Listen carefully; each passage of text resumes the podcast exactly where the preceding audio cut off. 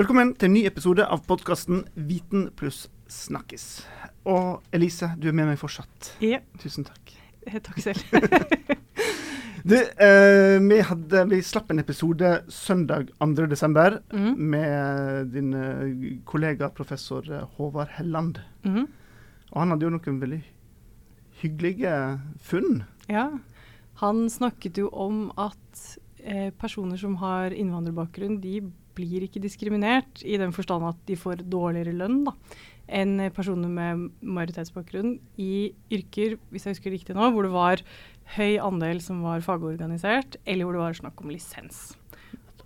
Ja, innen yrket, sånn som psykolog eller lege eller advokat. da.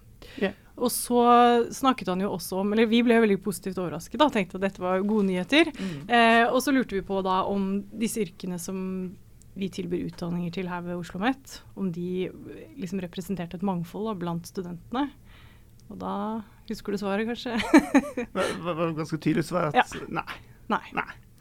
Så, så, så det vi lærte ved at disse yrkene som da ikke diskriminerer, Ja. eh, de utdanner vi jo til. Ja. Men hvordan skal vi liksom få fram dette og rekruttere gode folk? ja. Ja. Rekruttere bredere. Ja. Så da har vi, måtte vi hente inn en ekspert da, Ja, ja. og lære oss litt om dette her. Velkommen, uh, Nasima Seir. Uh, du er ikke Oslo Met-ansatt. De fleste gjestene våre er det, skjønner du. Men Nei. -hmm. nå måtte vi liksom ha en ekstern ekspert her. Um, du jobber som leder av Interbridge. Det må du forklare oss. Hva er Interbridge? Ja, det er en social startup som jobber med ungdom mellom 12 og 18 år, eh, og som tilbyr dem en læringsopplevelse i form av et akademi og et årsprogram, eh, hvor de blir endringsagenter. Og det det betyr, er at de får en pakke med fremtidskompetanse. Eh, det er fokus på at de utvikler seg selv på personlig plan, at de får verktøy i forhold til å kommunisere med andre. Eh, og at de lærer om samfunn og samfunnsansvar. Eh, og at vi er en plattform hvor deres innspill til å kunne være med å forme fremtiden og løse noen av samfunnsutfordringene vi har, kan gis beslutningstagere, enten politikere eller ledere i næringslivet. Mm. Hva er det første du tenkte da når du mm, hørte om disse forskningsresultatene om at disse der yrker som lærer og sykepleier og lege og sånne ting var, var veldig sånn bra med tanke på diskriminering? Jeg er ikke overrasket, og så tenker jeg egentlig Jeg legger lista litt høyere, jeg bare skulle bare mangle. Men eh, det er da min mening. Eh, og så forstår jeg veldig godt mekanismene for hvorfor det kanskje ikke enda er så godt eh, en god representasjon blant de yrkene man kan utdanne seg til her på Oslo OsloMet. Mm. Eh, og det har vi jo vært litt inne på, Mm. diskutert dette før vi startet Ja. eh, men ja, altså dette med at noen av de yrkene som, som, hvor man kan ha en form for tittel eller ha en lisens, gjør at man er beskyttet fordi at eh, eh, den, man ser på tittelen først, så om jeg heter da Nasim Zair, eller hvis jeg hadde de- doktor Zair, så hjelper doktoren på veien. da. Mm. Mm. Ehm, så det er jo en f f veldig forståelsesfullt at det er et valg man tar. Mm. Mm. Men, men er det et argument i seg sjøl når vi skal rekruttere og si hei, dere bør søke lærer fordi at eh, eh, det diskriminerer deg ikke? Um, altså, er, er, bryr våre potensielle søkere seg om, om dette med diskriminering i, i arbeidsliv og, og lønn og sånne ting, eller tenker de på helt andre faktorer? Jeg tror det er faktorer som er veldig viktige, som man absolutt må, eh, må ta hensyn til. Um, altså det med de som søker seg til yrker eh, med høy status og med god lønn, er jo tydelig, altså eh, sikkert først og fremst, eller håper jeg, bør være av interesse for faget. Eh, men også fordi det gir en sikker fremtid, Eh, og eh, man får en stabilitet. Og når man har foreldre som har kommet fra et annet land, så er det et element hvor eh, man føler at eh, man har et ansvar for å lykkes, at det er noen som har kommet før en selv, som har eh, gått igjennom mye vanskelig for å gi en en sjanse. Em, så de som først går for slike valg, har nok en bevissthet rundt om at eh, de lykkes for flere enn seg selv, kanskje.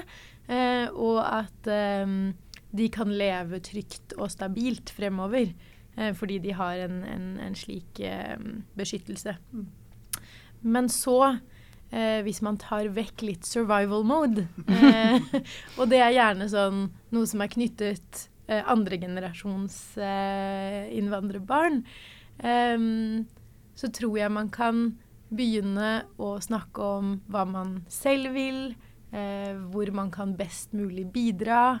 Eh, og hvor man fortsatt også kan ha en god fremtid. Og der tror jeg kommunikasjonen fra institusjonene har mye å si.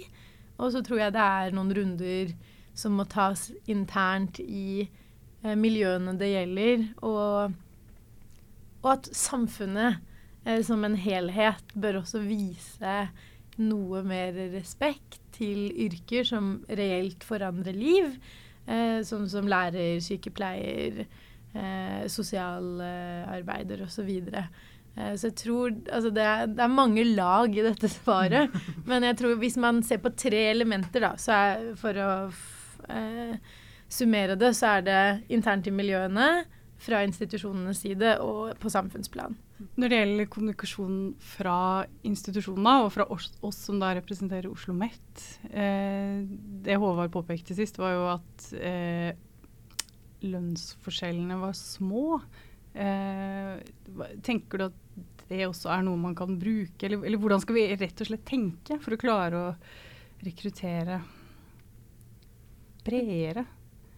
Jeg tror det kanskje bør kommuniseres eh, litt rundt hva man oppnår når man, får, når man, er i de ulike yrkene.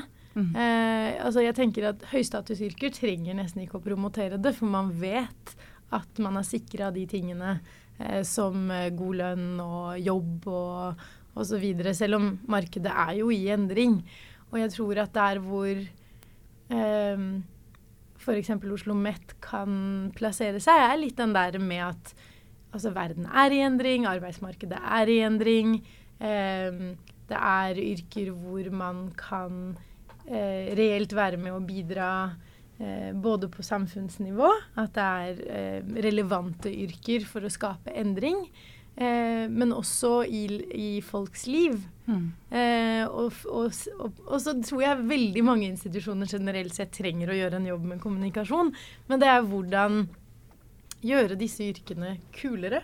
Ja. Eh, for å bruke det ordet. Ja. Men det er fordi jeg jobber med ungdom mellom 12 og 18. Ja. Så da blir alt kult veldig, veldig viktig. Hva er kult eh, i deres øyne? Um, jeg ser en trend blant de aller yngste om å kunne drive med noe som også gir mening. Eh, så det er en blanding av trygghet og vite at man faktisk får en jobb. Eh, for det er en, en generasjonsprestasjon som driver vokser opp nå, som har behov for den tryggheten. Men også at de søker etter mening. Eh, og jeg tror at her har dere en fordel, eh, fordi det er yrker som, som, som gir mening. Mm. Så man må bare ha gode rammer rundt det, og hvordan man forklarer det.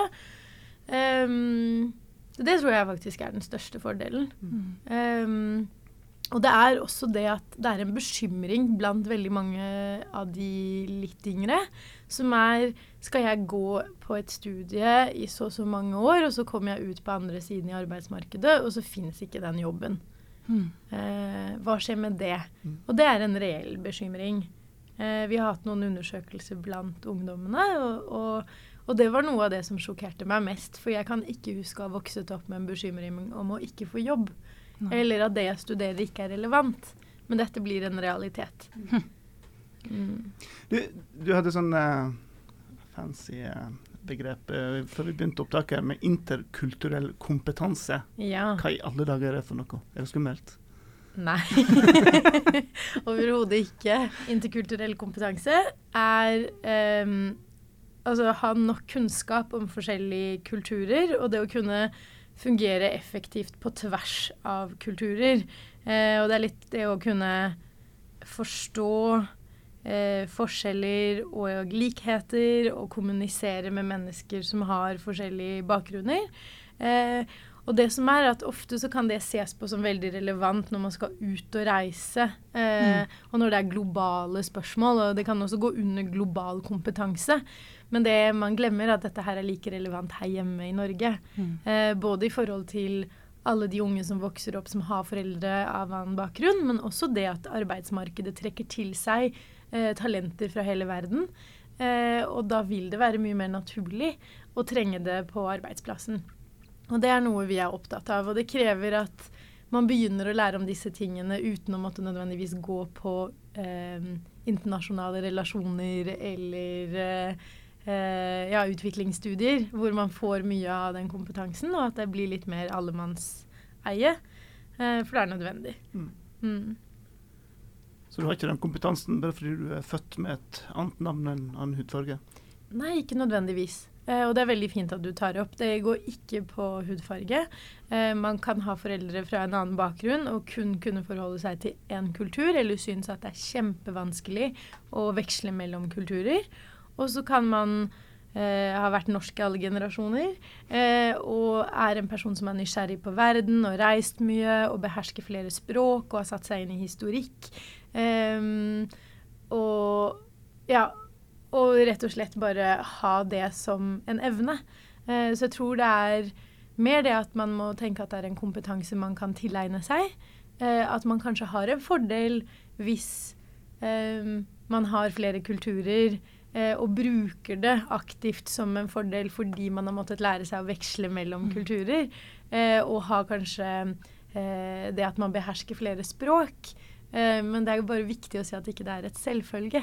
Mm. Og at det kan være noe alle har. Og det tror jeg er veldig viktig når, når folk skal søke på stillinger. At man ikke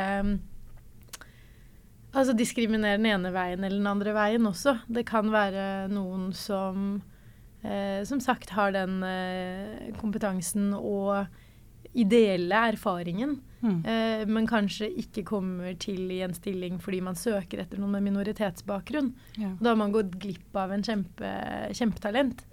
Eh, så det syns jeg man skal heller se eh, på ja, kompetanse, eh, det relevante. Eh, men da må man klare å komme dit hvor etternavn og hudfarge ikke, ikke skal telle så mye. Mm. Mm. Uansett hvilken vei det går. Men bare bli nysgjerrig, for det er et veldig spennende begrep. Og det er spennende å tenke på, fordi i Oslo det er jo stadig flere barn som vokser opp med foreldre som har kanskje forskjellig landbakgrunn fra hverandre, og at disse barna mestrer mange språk. De mhm. mestrer flere kulturer. Eh, og jeg ser for meg at dette kommer til å bli, det kommer til å være en hel generasjon som vokser opp som mestrer dette til fingerspissene. Hvordan kan på en måte da en arbeidsgiver måle det, eller hvis man ikke skal se på navn, da, hvordan, hvordan kan vi på en måte klare å fange dette her? Mm.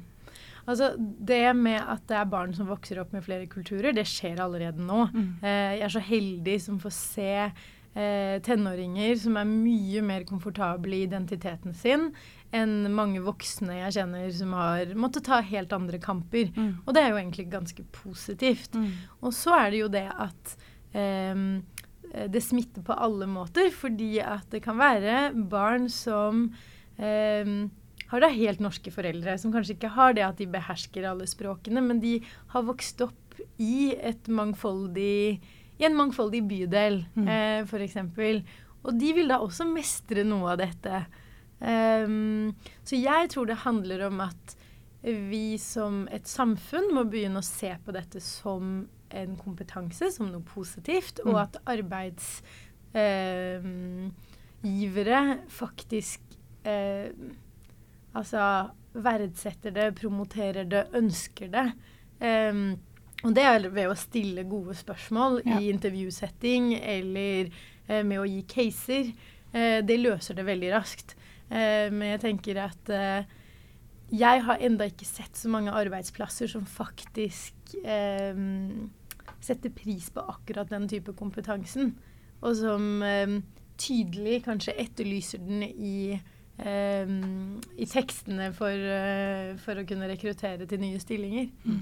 Mm. Men disse unge som du snakker om, som, som har denne her interkulturelle kompetansen Ja, stakkar, de vet ikke at det er interkulturell kompetanse. Nei, sant? Men altså, det, det spørsmålet mitt er liksom, hvor bevisst er de, er- de sin egen eh, kompetanse? At det, det med språk og kultur og sånne ting. Altså, kan vi gå ut og si at hei, du som har denne kompetansen, erfaringen, vi trenger deg til å studere lærer fordi vi trenger lærere med din kompetanse.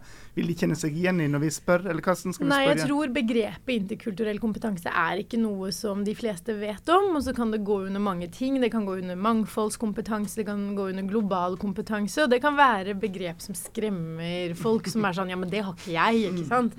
Og så har man det. Eh, så jeg tror det heller går på Altså eh, Behersker du flere språk? Har du eh, tilknytning til flere kulturer? Eh, kan, klarer du å veksle mellom eh, det ene og det andre?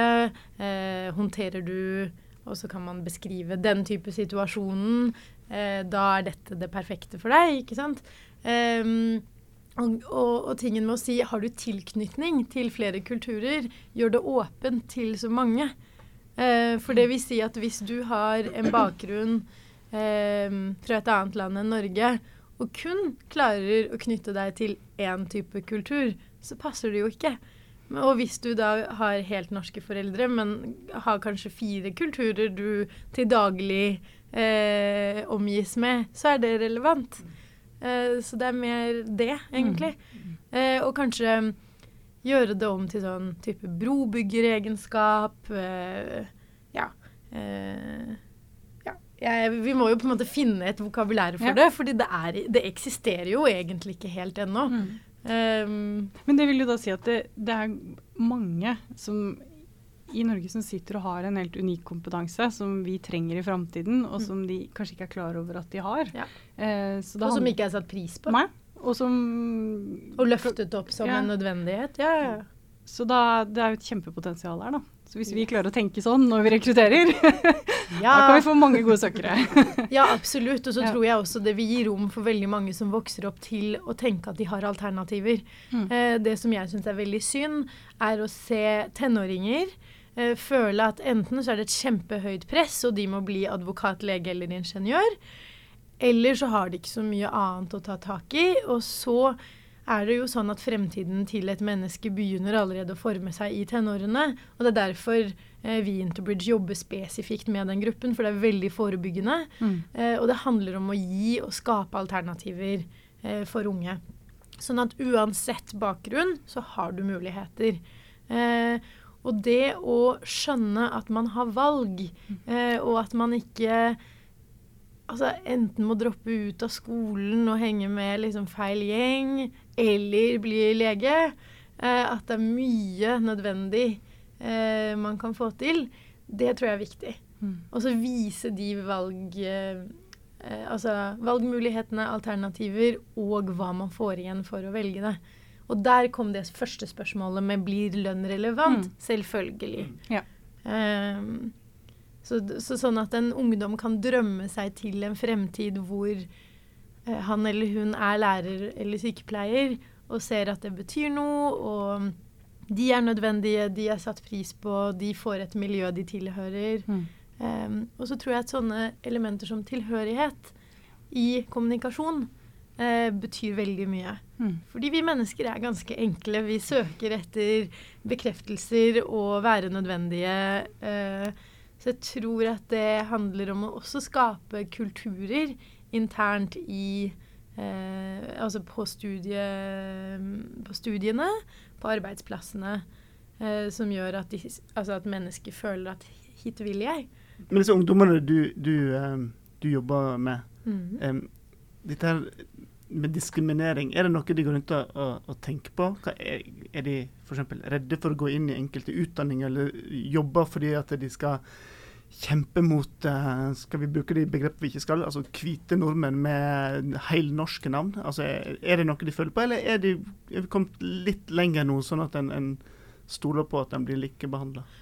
Ok. Eh, det jeg trenger å, å em, spesifisere, er at de ungdommene vi jobber med, er fra hele byen. Så på, vi rekrutterer på tvers av geografiske, sosiale skillelinjer. Og dermed så vil for oss hudfarge ikke spille noen rolle. Eh, så vi får til noe som er ganske unikt, og det er en veldig sånn naturlig mangfold. Eh, uten å få mangfold til å handle om at man er en minoritet. Mm. For meg så er mangfold en naturlig dynamikk med alle eh, i den gruppen det handler om. Og jeg har sagt at gruppen er 12 til 18. Da vil det si at man treffer absolutt alle i den aldersgruppen.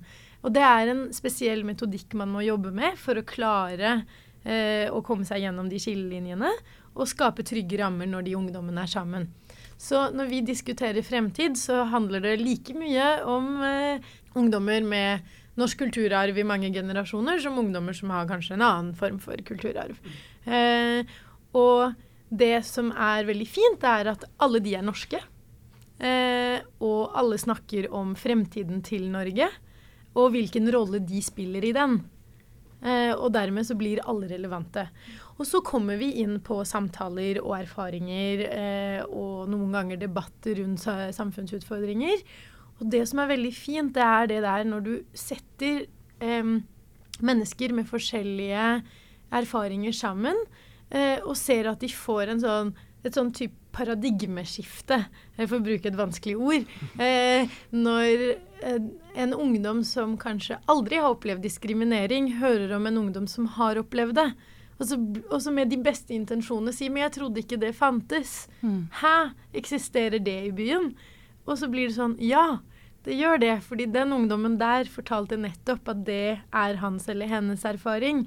Og jeg tror at det skaper empati, det skaper bedre forståelse og en, en eh, innsikt over egen rolle. Eh, og man, eh, hvordan man selv kan være med og eh, forme hva som foregår. Eh, og et annet spørsmål hvor det ofte kommer opp, er eh, gutter som ikke klarer å ta inn over seg at det er lønnsforskjeller mellom menn og kvinner. Og de mener det i aller beste forstand, fordi de klarer på en måte ikke å fatte at det går an. Så jeg forstår det, men vi må alltid bruke en del tid på å vise til statistikk som eh, sier at det fortsatt er et vedvarende problem. Mm. Uh, så, så, det er veldig spesielt da, å skape sånne rom hvor man må kanskje kjenne på uh, at man har privilegier, eller at man ikke har de Eh, men det skaper en, en, en, sunn dynamikk og et fellesskap som gjør at man heller tenker løsninger enn problem. Og jeg tror det er noe som trengs i en del institusjoner, også i politikken. um, ja. Nasima, framtida. Hvordan ser denne framtida ut for disse unge som vi nå har snakka om? Hva, hva, skal til for å, å lykkes? Altså, fremtiden den eh, Altså, vi, det peker allerede veldig på at verden blir mer global, mer digital og mer urban. Eh, det er eh, i, i hvert fall tech-verden så bruker ordet eh, eksponentiell endring veldig ofte. Så det er rask endring. Eh, og det som er helt tydelig, er at de unge de må forberedes på denne fremtiden. Eh, og det skjer nok ikke i stor nok grad på skolen sånn som den er den dag i dag. Eh, og det er en um, undersøkelse av World Economic Forum eh, som viser til de mest ettertraktede ferdighetene i arbeidsmarkedet innen 2020. Og det er Noen av de er eh, problemløsning, kreativitet, ledelse, samarbeid, emosjonell intelligens, eh, beslutningstaking, det å være serviceinnstilt, eh, det å ha forhandlingsevner og det å være tilpasningsdyktig. Eh, så alt det her, det er en pakke som kommer til å kreves i alle yrker. Fordi endringen vil på en måte treffe veldig mange yrker. Og det vi snakket om innledningsvis med at eh, man kan være beskyttet som lege eller advokat, det som også vil skje hvis teknologien inntar eh, de fagfeltene, så vil alle de som er leger og advokater i dag, måtte innstille seg på veldig mye nytt. Um, så jeg tror at generelt sett så må vi løfte blikket litt, og så bør det være en måte å kunne um, belønne disse egenskapene og disse ferdighetene i alle yrker. Eh, og særlig dette med emosjonell intelligens og samarbeid. Og det går igjen med interkulturell kompetanse, det å kunne tenke tverrfaglig, eh, det å være løsningsorientert. Eh, og det er litt den pakken vi prøver å gi ungdommene. Og da har vi kalt det for å være en endringsagent. Men du kan være ungdomsendringsagent, eller du kan være lærerendringsagent, eller rektorendringsagent. ja. altså, det, det, går igjen. Det er en, en, en væremåte. Mm. Eh, mer enn noe annet. Har vi fått en del å tenke på. Ja. Ta med oss. Følte meg, jeg vet ikke, jeg er et litt eldre. Altså, jeg trenger litt etter- og videreutdanning her, tror jeg. Men det vet du hva, det kommer vi alle til å trenge. For det er noe med livslang læring. Og det kommer til å være så utrolig viktig. Eh, for å henge med. og, det er håp, Halvor. ja ja, men eh, jeg er inkludert i det også. mm. Eh, Nasima, tusen hjertelig takk for at du ville komme og mm. dele dine erfaringer og kunnskap, og ikke minst uh, gode råd. Ja, takk for at du kom. Det var veldig inspirerende og lærerikt. Tusen takk for at jeg fikk komme.